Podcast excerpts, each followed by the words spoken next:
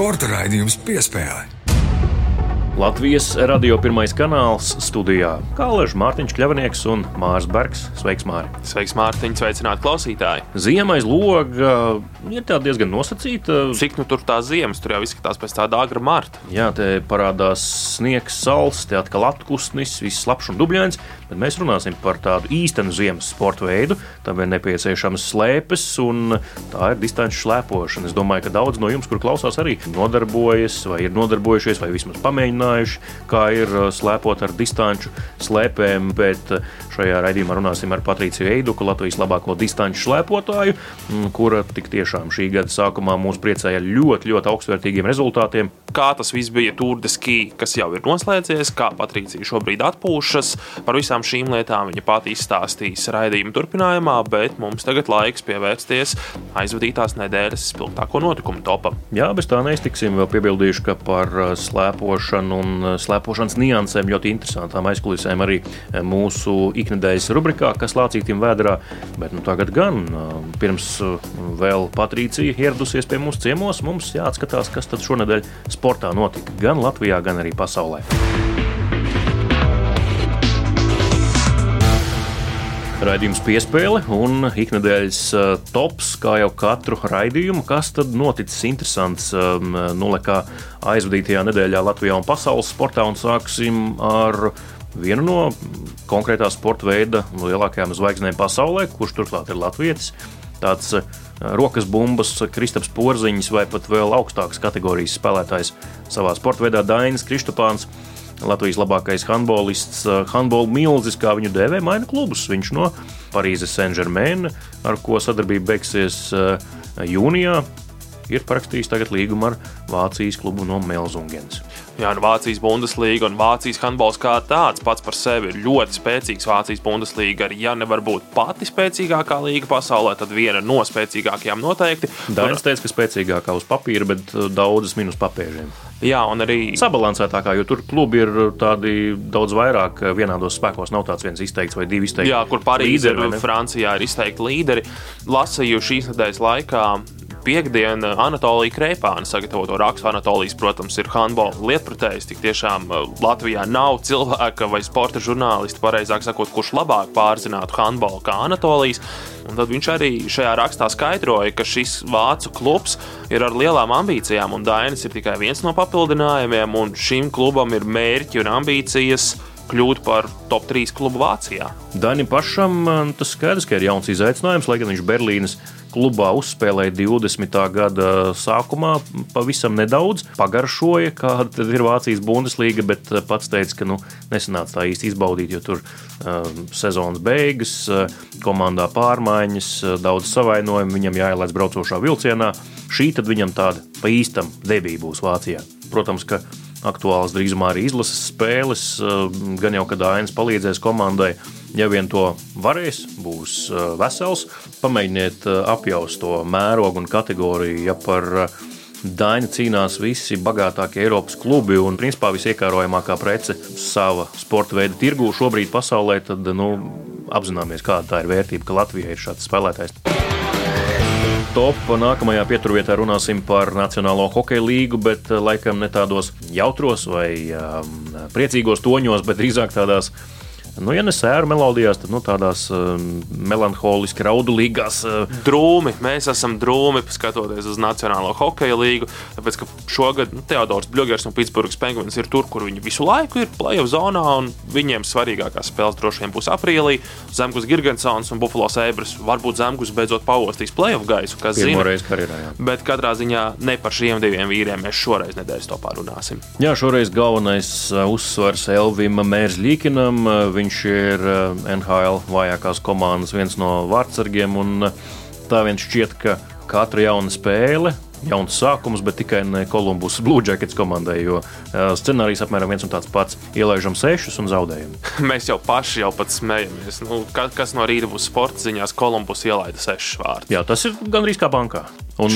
Elvis ielaiž sešus, Korpusālo ielaiž sešus. Ielaiž Rasovs sešus. Bet problēma, kāpēc mēs tieši par Elvu šoreiz runājam, ir tāda sajūta, ka Elvim būtu tāda nu, īsta melnā josla. Nu, viss ir slikti. Elvis ielaiž viens vārtus, komanda paliek sausā, zaudē 0-1. Kapitāls, jā. Jā, Elvis ielaiž sešus. Komanda tik un tā zaudēja. Starp citu, tajā spēlē, kad Elvis ielaida sešus, viņš atvairīja 43 metienus. Tātad 49 metieni pa vārtiem. Tad cik vēl ir nobloķēti, cik ir bijuši garām? Jā, bet uh, Elvis, uh, nu, viņš atkal ir saslimis, tāpēc viņam jāizlaiž atkal mači. Mm, Nu, spekulācijas laikam nav vietā, vai tā tiešām ir saslimšana. Droši vien jau kāds vīrus atkal ir noķerts. Bet viss pēc Kolumbusas treneru teiktā izklausās, ka tā nav nu, gluži tā, ka tur saaugstējies, ka tur gripa vai kas. Ka izklausās, ka tas ir kaut kas jau kronisks, mazliet, ka tā ir tāda dziļāka problēma. Jo visi šie komentāri, kas nāca no Kolumbusas pēdējā, pēdējo dažu dienu laikā, pirms raidījuma, kad arī izskanēja šīs ziņas, ka Elvis ir saslimis, meklēsim, um, Elvis dosies pie ārstiem, meklēsim šīs problēmas sakni. Nu, tā tad tā nav vienkārši akūta saslimšana, tas nav vīruss, ka Elvis ir saaugstējies, klapo slims temperatūra. Tas ir kaut kas cits, kaut kas kronisks, nu, var, nezinu, bronhīts varbūt, varbūt nespekulēsim, kas tas ir, bet kaut kas tas ir. Vienīgais, uz ko var cerēt, pirmā izvēle. Šī Konors gada, Bedārds. jā, šī gada NHL drafts, Konors Bedārds. Viņš būs noteikti pirmais numurs, ir jānotiek ziliem brīnumiem, lai viņš nebūtu. Raudzīsim, kā Elvim veiksies uh, sezonas turpinājumā. Nu, visticamāk, jau Kol- Kolumbus uh, nekur augstāk par pēdējo vai priekšpēdējo vietu konferencē nepacelsies. Bet uh, nu, mēs vēlamies vienīgi to, lai Elvis pats tiek galā ar savu galvu. Nāk labāk laiki. Un lai ģenerālmenedžers atrod aizsargu.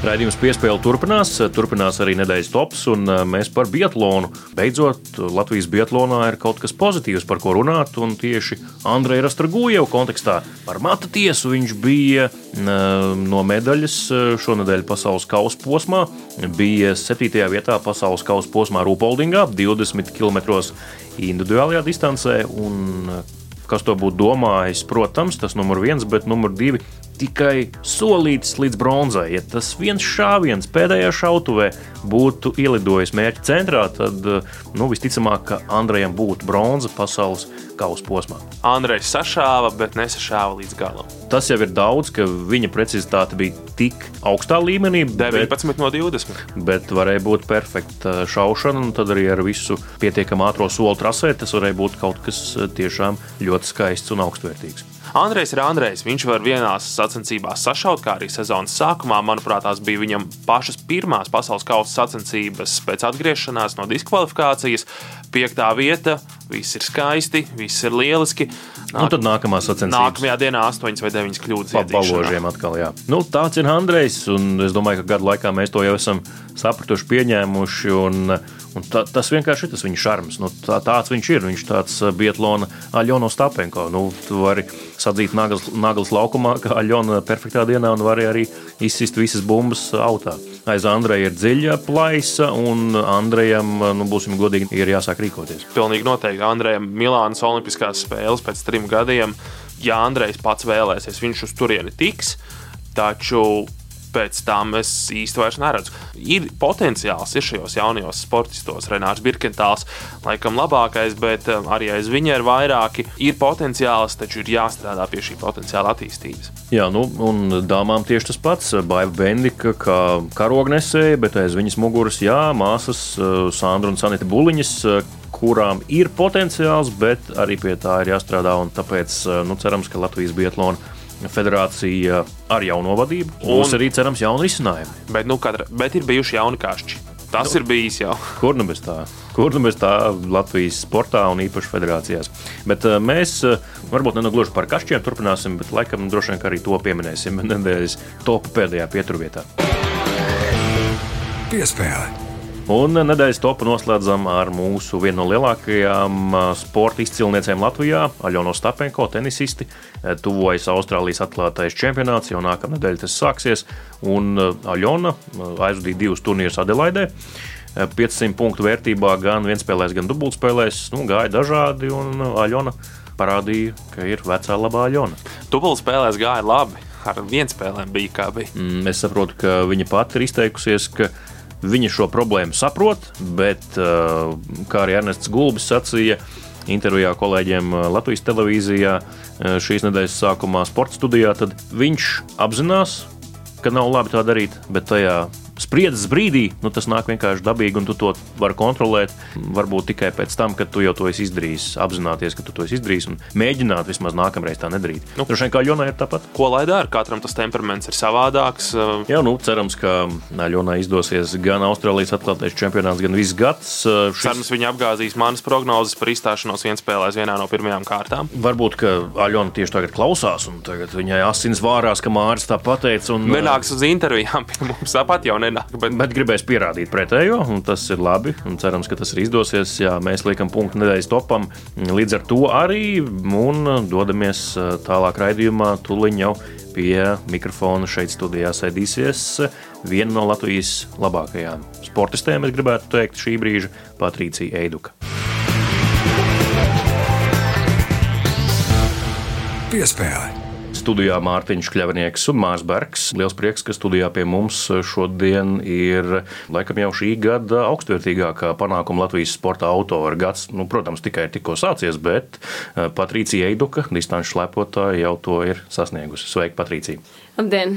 Jā, sveiki, Patricija. Gads tik, tikko ir sācies, bet tu jau esi paspējis izcelties ar ļoti augstvērtīgiem rezultātiem. Turklāt visaugstākajā iespējamajā līmenī distanču slēpošanā, tātad Tour de Ski, slēpošanas maratons kas ir arī daļa no pasaules kausa ieskaitas. Patricija, bet mēs sāksim no cita leņķa drusciņa. Pirms divām dienām bija piekdiena, 13. Tev tas kaut kādā mērā tavu prātu nodarbina, tu tādām maiticībām vispār pievērs uzmanību, tici vai tas tev iet grausīm? Nē, nē, es tādām lietām uh, vispār cenšos nepievērst uzmanību nemaz savādāk. Mēs kļūsim pārāk atkarīgi un manticīgi no visādām lietām, kad grūti dzīvot būs. Tad jau katram melnam kaķim pievērsīs uzmanību vai ne? Tieši tā, tieši tā. Galva būs sajaukt. Jā. Nav arī kaut kādas maiticības tev uh, sacensību treniņu laikā, nezinu, pirmo autu to kāju vai kā citādi. Ja godīgi, man agrāk bija, kad man likās, ka man obligāti ir kaut kādā ziņā jāievēro tieši tas, lai uh, brauktu ātri tur Man vienmēr bija tā, ka man likās, ka man vajag tieši tā zeķes šodien, un tieši tā es tur ģērbšos. Atceries, bet, uh, Mārkā Konoram Makdeividam ar tām zeķēm. Iet, jā. Viņam, viņš pat saurās tagad vēl. Bet patiesībā sakot, tas viss ir kā, pilnīgi bezsvarīgi, un uh, svarīgākais ir tas, ka tev būs rezultāts, ja tu būsi formā, un nebūs, ja tu nebūsi formā, un tas arī ir viss. Un pilnīgi nekādas darbības, kādas tev zeķi šodien kājās, un kādi mati vai vēl sazin, kas. Tieši tik vienkārši. Jā. Jā. Piektdiena, 13. tā tad ir aiz muguras. Gan jau atkal būs kādā citā mēnesī. Nē, es tagad skaties, kad ir nākamā šāda reize. Tam arī nav nozīmes. Patricija, tu esi pie mums šeit studijā. Esi atbraukusi pēc Turdiskī mājās uz Latviju. Šo dažu dienu laikā, ja Turdiskī noslēdzās pagājušajā svētdienā, tad ir apritējusi tieši nedēļa. Šajā īsajā, relatīvi īsajā nogriezienā es paspēju tiešām atpūsties, atalpoties pēc šī smagā maratona, kas ir septiņi posmi deviņās dienās. Šķiet, ka esmu bet uh, tas atjaunošanās, tā pati es tā jūtos uh, normāli, bet, uh, protams, tās sajūtas varētu būt labākas. Līdz ar to esmu vēl atjaunošanās procesā, bet jau sākus treniņus man tas ir ļoti vajadzīgs, un es esmu tāds ģimenes cilvēks. Vienmēr kā, mājas ir tas, kas tevi uzlādē, un es esmu gatava nākošajam ciklam. Bet atbraukšana mājās, tātad, kā saprotu, tas bija plānoti. Tur nevis tāpēc, kā arī Eiropā sniega nav.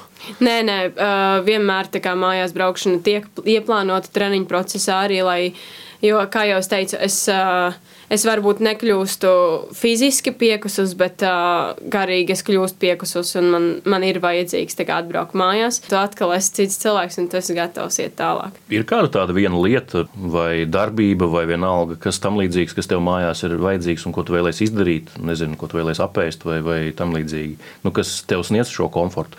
Jā, laikam tas lielākais komforts ir vienkārši satikt savu ģimeni un vienkārši būt, būt mājās, un ar to pietiek. Man nevajag neko īpašāku darīt, vai kā. Māma tāpat vienmēr centīsies pagatavot kaut ko īpašāku, jo es esmu mājās, un viņa vienmēr atceļ visas savas lietas. Es nevaru, man patrīcija mājās, un tad, jā, tā vienkārši tā būšana mājās. Jā, nu tā siltā mājas sajūta, man liekas, mēs katrs ne no klausītājiem, jūs arī droši vien to iekšējo sajūtu zināt. Un šobrīd, kad Patricija par to stāsta, droši vien, ka iedomājieties arī savā galvā, ir tā, ka pietiek ar dažām stundām pie mammas, un tad jau viss ir kārtībā dzīvē.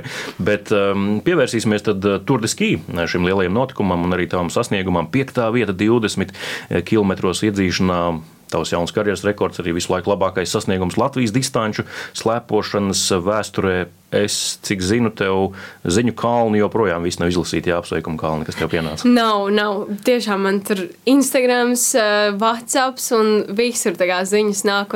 Es cenšos visiem atbildēt, bet tas nav iespējams. Un tik daudz kā, arī nezināmu numuru. Līdz ar to kā, es drīzāk eh, ielikšu vienu tādu Facebook, Instagram sociālo tīklu postu un ar pateikšu, ar vienotu paldies. Jā, visiem. jā, es tā domāju, ka tas būs vienkāršāk. Es sāku, kā es esmu sportists un man nav tā, ka uh, es visu laiku gribu sēdēt telefonā un atbildēt visiem. Es ļoti novērtēju to katru, katru ziņu, ko es saņemu, bet uh, jā, tā kā bišķiņi ir prioritātes pamazām es spēju aptvert to, kas ir izdarīts, ņemot vērā, cik milzīgi ir konkurence šajā sporta veidā. Lai vispār tiktu līdz pasaules kausam un turiski ir jāpaveic neticams darbs, un pēc tam, lai vēl tur sasniegtu, tas, tas ir tiešām liels rezultāts. Jā, vai tavs prāts to visu ir salicis pa plauktu? Es domāju, ka nav. Noteikti, ka nav. Man liekas, ka es katru dienu to, to video noskatos, kā es tur finišēju kādas 20, 30 reizes, un man joprojām tā kā liekas, kā es sev pati jautāju to jautājumu, kā. Kā tas varēja tā notikt? Es, eh, es nespēju tam noticēt ne, līdz galam. Bet distancē slēpojot, zināji, kur tu atrodies. Ka, nu, noteikti redzēji, ka tu apslēpo tās konkurences, bet pati zināji, kurā vietā tu esi. Tas bija tā, ka man sākumā mērķis bija vienkārši. Es zināju, ka uh, es startēju, un uzreiz aiz manis startēja spēcīgas meitenes. Un mans mērķis bija kā, būt ļoti forši ar viņām pabraukt reizē vienkārši. Un, uh, tad mēs izveidojām tādu mazu četru, četru slēpotāju grupiņu. Mēs tur visu laiku mainījāmies. Nebija izteiktas līderis. Vienu brīdi es biju pa priekšu, tad uh, Norvēģiete, tad uh, atkal Šveiciete. Un tā mēs pamainījāmies. Mums visu laiku netālu priekšā bija lielā grupa, kur brauca. Pirmās sanāk, četras jau bija atraujušās, un tad uh, tāda lielāka grupa, kas tur kādas desmit slēpotājas bija bariņā. Mēs viņus visu laiku redzējām, viņas visu laiku turējās kādu 15 sekundžu robežā. Un tad es, kā, es jutos ļoti labi, un bija tā sajūta, ka es varētu bišķiņu vienu kalnu ātrāk uzbraukt un noķert to grupu bišķi ātrāk. Jo lielā grupā ir vieglāk braukt nevis tur četrtā mainīties, bet, kad tu barā brauc, tad uh, tam ir nozīme. Bet tad es redzēju no muguras, ka nāca amerikānaita Diginsa, un tad es sapratu, nē būsim gudri. Katrs jau domā pats par sevi. Un tad es sapratu, tā, tā, ka es zināju, ka viņa ies uzreiz garām un ķers to grupu rokās. Tad sapratu, ka jātaupa pašai spēki un aiziešu reizē ar Jessiku Digins. Es tiešām jutos ļoti labi un tā pārliecināti diezgan īstenībā. Tā, man ļoti reti ir tāda pārliecība par sevi, bet es tiešām jutos labi un tad es sapratu, aiziešu ar Digins. Un tā arī notika. Un tad uh, mēs turējāmies lielai grupā, un pirms pēdējā apļa bija kopā seši apļi jābrauc. Un pēc uh, piektā apļa uh, treneris man dzirdēja, un viņš bļāva, kad esmu grupiņā no 5. līdz 15. pozīcijai. Un tad es jau savā galvā biju izplānojis, kur, kurā vietā es varētu kā, apdzīt un pacīnīties par savu pozīciju nu, beig, beigās, ja no 5. līdz 15. grupiņā bija un finišā ir 5. vieta, tad grupiņā. tas plāns sanāca. Jā, jā, jā, jā, jā sanāca.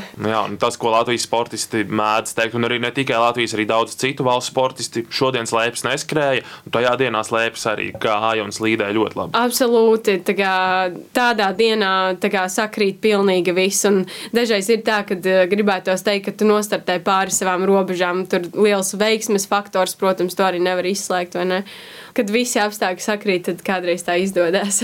Bet vienā no pirmajām intervijām pēc šī tiešām ārkārtīgi augstvērtīgā un daudzināmā panākuma, tu sacīki, ka pareizas taktikas izvēle, ka tas ir varbūt pat tas lielākais kumos tajā visā rezultātā. Tu jau stāstīji par to piekto apli un treneri, kurš dzirdināšanas mm. laikā tev bļāva. Kā tā taktika vispār notiek? Jūs kaut ko izstrādājat pirms jau slēpojuma, kā tu varētu rīkoties. Tad tas eh, trasē ir tevis paša ziņā vērot apstākļus un, un kaut kādus scenārijus izpildīt, kas ir ieplānoti. Kā tas notiek vispār? Dienu pirms sacensībām vakarā mēs dabūjam eh, visu trases to plānu, kā, kur piemēram būs dzirdināšanas un visādas tādas lietas. Un tur ir arī tādi sprinta etapi, tie bonus punkti, kur vāc viņus. Un tad tev jābūt gatavam, ka tur piemēram būs tas uzrāviens. Un, nepazaudēt grupu, un, vai arī neaizrauties līdzi, ja tu necīnies par tiem bonus punktiem. Piemēram, uz mani viņi neatiecās. Attiecās, protams, bet tur nav jēgas, jo tur tā kā pirmās desmit slēpotājs dabūja bonus punktu. Tas uz man Frīd- nav tas uz jēgas. Frīdu tā kā- Karlsonu attiecas Jā, jā, tieši tā. UnĒrkam man, man nav jēgas izlikt savu enerģiju, lai pacīnītos par pāris punktiem, kuri man vispār neko nedod. Treneri vienmēr tā kā pamet kādu ideju, kur kādā brīdī ko labāk izdarīt. Piemēram, tur neskrienam, tad, tad sākam, tā īstā sacensība sākas tajā brīdī, piemēram, un, vai arī, kad, piemēram, esi gatava sākumā būs ļoti traki, bet pēc tam atceries, ka tiešām temps kritīsies, viss būs kārtībā. Protams, vienmēr arī sacensību laikā treneri ieredz, ko viņi var pateikt, piemēram, tad viņi man uzreiz arī cenšas mani nokontrolēt. Un, piemēram, Kuros brīžos viņiem ir tā iespēja, kad viņi te var uzbļaut? Uh, trasē ir tā kā, iespējas pārskriet pāri vai nu, mm. kā, uh, trases malā būt, un tad viņi man tā arī uzbļauj. Un, uh, Bet bieži ir jāuzbļauj Patricija lēnāk, netrako mierīgi. uh, katrā sacensībās kaut kas tiek piekomentēts, par ko ir jāizdomājas. Bet kāda ir tā tava varbūt tendence? Tu pārāk vēlies skriet pirms laika, vai, vai es pārāk piesardzīgi, kāda varbūt tā tava maniera ir, ko viņi parasti korģē? Skriet pirms laika, un uh, arī tā, ka uh, man vēl bišķiņi jāmācās uzticēties viņiem. Jo, piemēram, man bija sacensības uh, Valdefiemē pēdējās trīs sacensību dienas, un otrajā dienā bija masu starts klasikā. Un man treneris bļauj pirmajā aplī bļāva un otrajā aplī bļāva, bet bija arī kopā seši apli. Un man treneris bļauj, brauc pa, pēc stadiona, brauc pa labo pusi. Un es nebraucu. Es domāju, kāds sakars braukt pa labo pusi, tā ir pilnīga ārmala. Jā. Un es pēc pirmā apļa nebraucu, pēc otrā apļa nebraucu. Trešajā aplī viņš vienkārši pie, pieskrien klāt, cik vien var, un vienkārši tā uzbļauj virsū. Es tev teicu, ka pa labo pusi jābrauc. Un tad es domāju, nu labi, kā paskatīsimies, kāds sakars, jo man arī pēc tam dzirdināšana ir kreisajā pusē. Kā, un es tiešām, ko līdz es aizgāju uz labo pusi, lai gan neskatoties to, ka tā bija ārmala, tā līnija gāja tiešām daudz ātrāk. Tā bija iespēja, kuras tiešām sāku apdzīt uh, arī savas konkurences. Līdz ar to es domāju, ak, Dievs, kā es varēju tā neklausīt. Bet, nu, vajag tā kā to laiku, lai lai tu uzticētos, jo man tas ir pavisam kaut kas jauns, kaut ko taktikot, kaut ko tur plānot. Un es nekad tā iepriekš neesmu tā kā domājis par tādām taktiskām uh, nozīmēm sacensību laikā. Un, Redz, kādas nianses mēs uzzinām, un arī klausītāji, vai ne? Liekas, ka tā jau ir tikai slēpošana, kāda mm -hmm. tur taktika, bet cik daudz interesantu un tādu sarežģītu nianšu tajā visā Jā, iekšā. tiešām taktiska cīņa un arī galu galā fiziska cīņa slēpotājiem un uz slēpēm braucot. Bet par šo piekto vietu Obersdorfā turpinot, pirms šīm sacensībām Vācijas trasē citu valstu sportisti sūdzējās par mīkstu trasi. Tur tas ir slikti un šis ir. Dubļi, viss zaļš apkārt. Jā, slēpes, nav. grīms, iekšā pabraukt nevar. Kā tas viss bija no tava skatu punkta? Kāda bija šī Obersdorfas trase? Jo tas, ko mēs televīzijā redzējām, arī nu, tāda balta sliede, mm -hmm. kur ir trase, sniegs Jā. tur ir, un tad viss pārējais izskatās tā kā šobrīd aiz loga. Jā. Zvied, jo Zviedrijas teica, vismaz, cik es Aftonbladet lasīju, tulkoto versiju, ka nu, mēs atbraucam 2. janvārī plus 14. Kas tas tāds tagad ir? Tas Tā vārds. tiešām bija, un mums tieši tas 2. janvārs bija brīvdiena. Te Mēs tikām trasē, tā kā patestējām slēpes. Un es vienkārši arī es braucu, un es domāju, ārprāts bija tāda putra nobraucienos. Vienkārši fotogrāfs stāv nobraucienā, lai vienkārši ķertu kadrus kā sportisti krīt.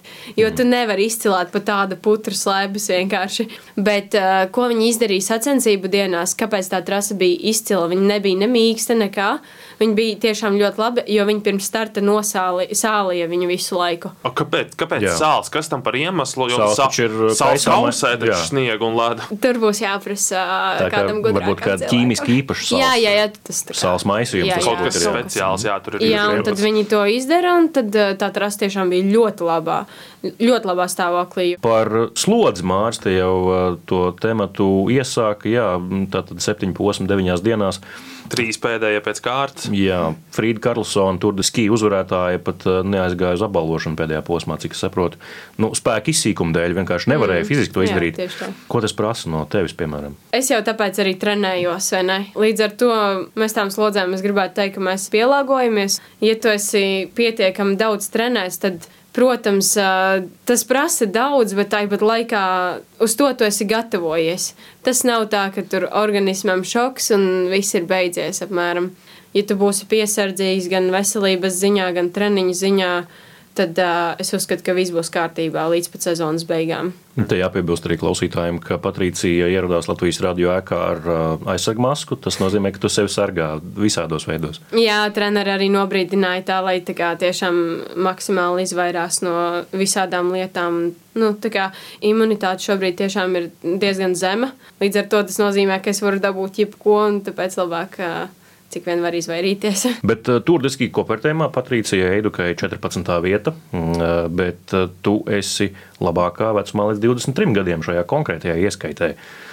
Var teikt, ka tu esi šobrīd pasaules labākā jaunā slēpotāja. Grūti tā pateikt, protams. Es, es, man jau tas liekas tā skaļi teikt, cik godīgi. Tā kā, ja mēs skatāmies atpakaļ līdz uh, no sezonas pirmajiem pasaules kausa posmiem līdz tagad turdiskī beigām, nav jau tā, ka es visos posmos esmu bijusi labākā U20 grupā.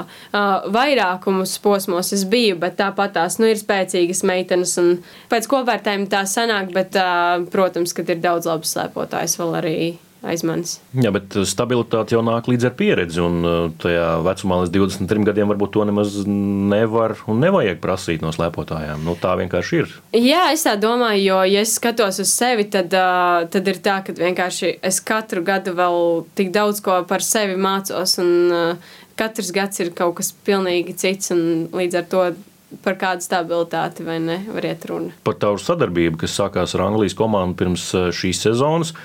Norvēģu treneri, kas tas ir, tas jaunais, tie vārti vai Pandoras lāde, kas tev ir pavērusies par taktiku. Tu jau teici, ka tik daudz taktikas mm. tavā pieredzē nekad nav bijis eh, no treneru puses vai no pašas izpildījuma. Vēl kas tāds specifisks? Jā, tas noteikti ir slēpju servis, ir ļoti labs augstā līmenī, jo sadarbība ir ar Norvēģijas uh, smērētājiem. Un arī es gribētu teikt, ka uh, treneri ir uh, ļoti labi man iemācījušies nomierināt un uh, noņemt jebkādu stresu un spiedienu. Tas nav tā, ka es šobrīd varu aiziet uz startu bez uztraukuma, bet uh, viņš ir pavisam savādāks un tāds mazāks, bet, bet kad tomēr uz to startu ej ar tādu jau lielāku pārliecību nekā pirms tam. Un, uh, un, nu, kā, tas ir, uh, ja godīgi, es nekad tik brīvi neesmu jutusies. Tiešām nekad. Un vienmēr bija tādas lietas, kas liekas, kad rada stresu, un tu nevari saņemties un nomierināties. Un tā.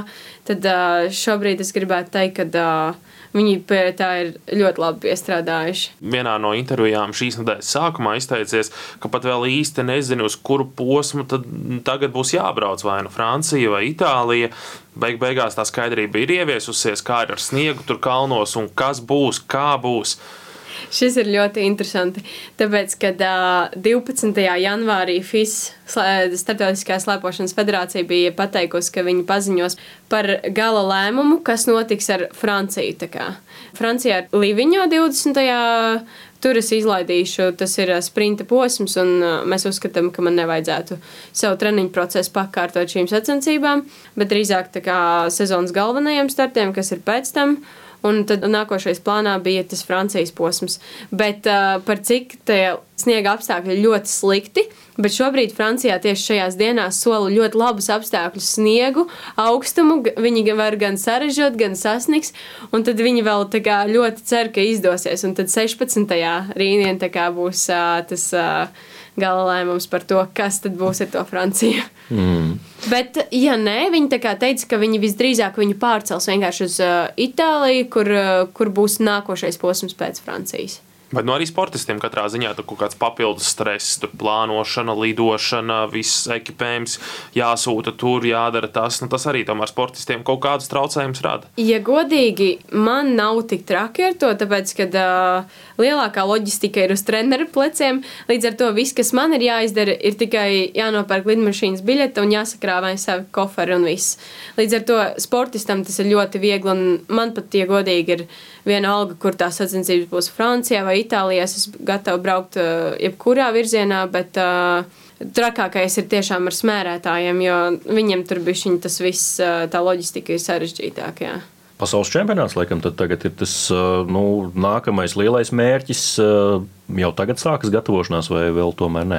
Jā, jā, noteikti. Un es jau varu teikt, ka tā gatavošanās jau vispār Viss sākās. Pirmā pussezona jau. Jā, jā, tieši tā. Un, uh, tieši šobrīd, priekš tā pasaules čempionāta, viņa jau ir sākusies. Kas ir kārtīgi atjaunošanās, lai varētu atkal sākt kārtīgi trenēties. Mm. Jā, nu lieliski. Patricija, paldies, ka katru laiku savā aizņemtajā ikdienā arī atnāk pie mums un iekļaut varbūt kaut kādā savā tādā psiholoģiskajā atpūtas brīdī arī interviju Latvijas radio. Paldies arī jums, ka klausījāties. Nu, Māri, mēs tad sakam paldies Patricijai droši vien un veiksmi gan pasaules kausa atlikušajā sezonā, gan arī pasaules čempionātā Slovenijā. Jā, tieši tā. Paldies, Patricija, ka atnāci un vēlēsim jaunus panākumus un labus rezultātus arī sezonas atlikušajā daļā. Paldies par novēlējumu un par uzaicinājumu. Sporta raidījums piespēlē. Tāda lūk saruna ar Patriciju Eiduku, bet mēs šo tēmu gribējām paturpināt. Tāpēc šoreiz rubrikā, kas lācīta vēdā, mēs ieskatīsimies tieši slēpju sagatavošanas niansēs, kā sagatavoties slēpošanai, tāpat cik sarežģīti vispār beigu beigās ir sagatavot slēpes un cik daudz laika tas prasa. Visu šo un arī daudz ko citu pastāstīja slēpju sagatavošanas speciālists Egnārs Gudriķis. Kas lācītim vēderā? Profesionāli slēpotāju un biatlonistu izteikumos pēc sacensībām nereti dzirdam, ka slēpes īsti neslīdējušas, vai tieši pretēji - tās slīdējušas lieliski. Slēpju sagatavošanas eksperts un slēpju smērētāju apmācību vadītājs Egnārs Gudriķis uzsver, ka slēpju sagatavošana un smērēšana ir pats pamats, lai jebkurš slēpotājs, arī iesācējs, varētu doties uz trasi. Tas ir, ja mēs nesagatavojam vispār slēpi, pieliekam pie sniega, viņas slīd pa ūdens plēvīt, to, ko viņas rada zem, zem sevi durvīm, un uh, tad vienkārši arī kādreiz varbūt ir gadījies tā, ka tu roku pieliec pie stikla, ja viņi piesūcās klāt. Un tieši tas pats notiek ar slēpēm. Ja viņi nav sagatavoti, apstrādāti, tad viņi piesūksies pie sniega un neslīdēs praktiski vispār. Jā, kad uzsmērē smēru, mēs atgrūžam visu ap to ūdeni. Principā slēpēji, lai viņi slīdētu, viņai ir jāatgrūž tas sniegs, pa kuru viņi slīd. Ja? Tā tad trases, kāda ir tā sagatavotā trasa, un atkarībā no tā, cik viņi ir netīri, kāda ir sniega apstākļi, kādas ir temperatūras ārā ārā, tad mēs sagatavojam konkrētam sniega apstākļiem. Speciālists skaidro, ka cilvēkiem, kuri slēpo sava prieka pēc, slēpju sagatavošana ir salīdzinoši vienkāršāka un smēres universālākas, savukārt profesionāļiem slēpju sagatavošana ir pielīdzināma zinātnei. Ja mēs runājam par uh, sportistiem, tad viennozīmīgi tas tiek testēts, tas tiek mērīts gaisa temperatūra, gaisa mitrums, sniega sastāvs, ja katrs tur pašam, kā viņš to jūt, jo sniega kristāli atšķirās, kāds ir transformēšanas transformēšanās process pašam sniegam. Viņš var būt uh, vecs sniegs, jauns sniegs, ja nu tāda lielākās uh, ledains, mākslīgs sniegs, ka viņš ir pūsts, pieņemsim, tikai ar uh, nu, mašīnām sagatavots. Jā, tad no tā atšķirās. Un tad ļoti liela atšķirība ir, protams, par to pašu, kā tas tiek sagatavots. Ja tas mēs runājam par parastiem cilvēkiem, kas vienkārši grib ikdienā paslēpot temperatūras vai smēri, ir vienkāršāk, viņi ir universālāk taisīti. Ja tev ir viens tīrītājs, viens smērs, bet ja mēs runājam par sportistiem, tad katram mums tā Tāpat arī Latvijas izlase ir eh, savi smērētāji, tie, kas to zina. Un, un tas ir, jā, katrs eh, labs smērētājs veido savus pierakstus. Viņam ir zināms, eh, protams, mēs nerunāsim par to, ka katram sportistam arī inventārs ir jau piemeklētāks. Ja pats slēpes profils ir, piemēram, viens ir siltā laika slēpes, viens augstā laika slēpes, tad ir viens ir mīkstam sniegam, viens ir cietam sniegam, jā, un tad, tad tas ir atkarībā no sportista rocības, cik viņš daudz var atļauties vai kāds ir izlases budžets, jā, cik plaši mēs varam varam testēties. Bet, ja mēs atgriežamies pie smēriem, tad jā, tas notiek testē gan, gan mašīnas, ir tās, kas testē sniegu. Tu vari vienkārši uz sniega testēties, un tu atrodi principā labāko smērē to, kas labāk tajā dienā slīd. Un to, to veids testējot, atrodot. Jā. No senākiem laikiem daudzi noteikti būs dzirdējuši par slēpju sagatavošanu ar sveci. Šodien pieejams plašs smēru klāsts visdažādākajiem apstākļiem, gaisa temperatūrām un citiem ietekmējošajiem faktoriem.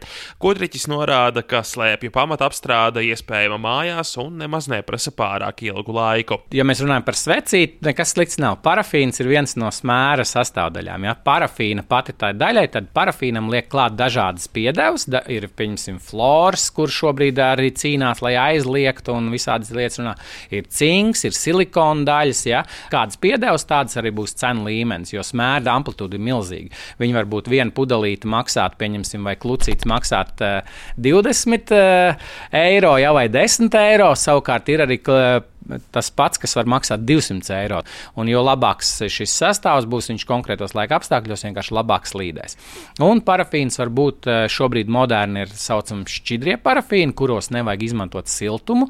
Tā mēs liekam parafīnu virsū nevis uzsmērējam svecīt, bet vienkārši uzkausējam šo parafīnu vai smēru ar gludekli uz slēpes, lietojam karstumu, viņš izkūst, saslēdzās kopā ar slēpes slīdvirsmu, tad slēpe ir jānociklē un jānobirst tajā birstēm pilnīgi tīri nost. Jā, viss tas, kas paliek, paliek slēpē. Un otra tehnoloģija ir šķidrie parafīni, kuri e, ir e, iekšā kopā. Šis parafīns ir ar atšķaidītāju, kurš e, darbojās, nu, pilda to pašu funkciju, ko gludeklis. Nu, ja mēs skatāmies no tā, mēs esam pabeiguši slēpošanu, tad, tad jau sākās slēpes apstrādes process. Tātad mēs pabeidzam slēpošanu. Svarīgākais ir notīrīt slēpes, ir speciāli dažādi veidi tīrītāji, notīram slēpes, notīram viņas no apkārtējiem nokrišņiem, kā teikt, un braucam mājās. Aizbraucot mājās, mēs ķeramies klāt pie slēpju sagatavošanas, pie trases notīram ar lupatiņu un līdzekli tīrīšanas. Aizbraucot mājās, mēs ar birstīti nopucējam šo nost, kas ir nožūs jau tas tīrīšanas līdzeklis, un uzliekam dienas smēru. Vai nu mēs liekam ar gludekli, vai nu mēs liekam ar šo šķidro parafīnu, kurš pats izžūst. Un, un te ir tas ilgais laiks. Ja, ja mēs ar gludekli apstrādājot, mums tas aizies apmēram nu, skalgatot slēpes, nu, tāda pamata parafīna uzlikt virsū, sagat pa, paies 15 minūtes, pieņemsim, ar visu darbošanos. Savukārt ar šķidro parafīnu viņam ir tas, nu, var teikt, mīnus, kad viņam ir vairākas stundas vajadzīgs, lai viņš izgarotu. Ja? Bet pats process ir noturības ziņā ir tikpat ilgs. Kopā es teiktu, tādai pamata apstrādē pietiktu ar 15 minūtēm. Bet, ja mēs runājam par sportistiem, tad jau attiecīgi ir tā, ka tas, tas ko es teicu, tas pamats, tas būtu piemēram 15, 20 minūtes, būtu tas pamats sagatavošana, un tad, ja mēs ejam trasē, tad jau mēs gatavojam konkrēto, testējam konkrēto smēru, tad mēs liekam, pieņemsim, bāzes smēru, tad mēs liekam uh, pa virsmu slānis, nākamais ir pātrinātājs, ko sauc sportisti, vai, vai tie pulveri, ko mēs lietojam uz slēpēm virsū, ja? un tas tiek testēts kāds atsevišķs. Tad viss tas, uh, kā teikt, uh, sviestmaizi salikt kopā uz slēpes virsū. Ja? Un tas process jau paņem ilgāk. Sportisti, pieņemsim, testētāji jau ceļās daudz agrāk par sportistiem, vairākas stundas pirms tam un testē un darbojas. Tas paņem viņam ilgāk laika. Profesionāliem slēpotājiem parasti ir izpētīti labākie risinājumi visdažādākajām situācijām, taču laikapstākļu maiņa var sajaukt kārtas. Aizšaut greizi visbiežāk izdodas tad, kad nomainās laika apstākļi. Pēkšņi uznāk kaut kāds uh, silts vējš vai, vai sākas svaigais sniegs, nikt un nomainās krasi laika apstākļi. Un tad, jā, tad var apstāties. Jo lielākā problēma ir tad, ja, ja, ja smērs ir par mīkstu, tad sniega kristāliņi iedurās iekšā šī te sagatavotajā virsmā un slēpjas apstājās. Vienkārši viņš sāk, sāk raut klāt netīrums, un pēc pieciem kilometriem vai trīs kilometriem ir paliek lēns ļoti. Ar distanču slēpošanu var nodarboties izmantojot divas dažādas tehnikas, proti, slicoli vai klasiku. Mūsdienās gan klasikai, gan slicolim pieejamas tieši konkrētajai tehnikai piemērotas slēpes, savukārt pašu slēpju sagatavošanā un smērēšanā ir zināmas atšķirības. Ja mēs runājam par slidsoli, tas ir arī par slidsoli, mēs runājam arī par eh, snowboard un kalnslēpošanu, ja, kad eh, sagatavot slīdēšanai virsmu. Tas ir tikai slīdēšanai, mums jādomā par slīdēšanu, bet ja mēs runājam par klasisko soli, tad ir zem pēdas, ir jābūt tas, lai tu varētu uztaisīt šo klasisko soļu apspērienu. Tur ir vajadzīgs bāzes smērs, un vajadzīgs ir vai no nu atspērienu smērs, vai no nu šis klīsters, kas ir ķepīgs, kas ir tāds ilgāk, ilgāk procesa skaita, ir, ir grūtāk notīrīt viņu, viņš pierauj klāt visādas skujas un tādas lietas, tāpēc arī cilvēki varbūt izvairās no tā.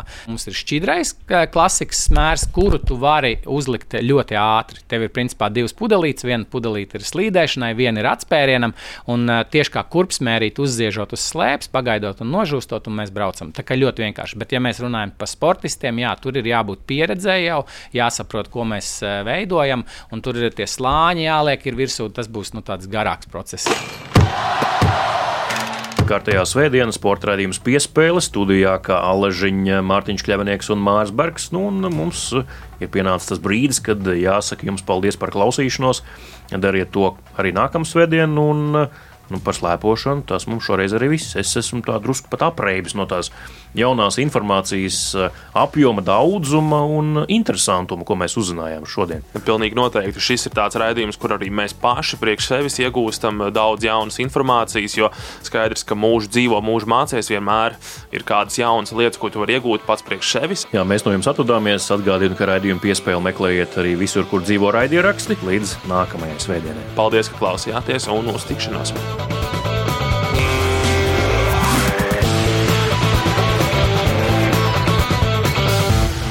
Sporta raidījums piespēlē.